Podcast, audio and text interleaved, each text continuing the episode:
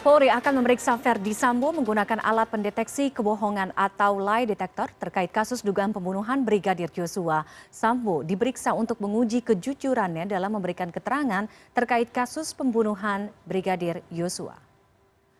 Pemeriksaan dengan menggunakan uji poligraf rencananya akan dilakukan hari ini, Kamis 8 September, di Puslap Bareskrim Polri, Sentul, Bogor. Verdi Sambo menjadi tersangka kelima yang akan menjalani uji kebohongan.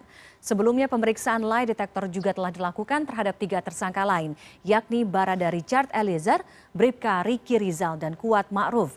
Hasilnya ketiga tersangka disebut memberikan keterangan jujur. Ya kita lihat adegan rekonstruksi melakukan peran adegan kita Sementara itu istri Sambo Putri Chandrawati juga telah diperiksa menggunakan lie detector namun Polri enggan membuka hasilnya. Diketahui Putri diperiksa menggunakan lie detector bersama asisten rumah tangganya Susi pada Selasa 6 September. Tes ini dilakukan oleh Puslap for Polri untuk menguji keterangan Putri yang berubah-ubah terkait dugaan pelecehan seksual yang menimpanya.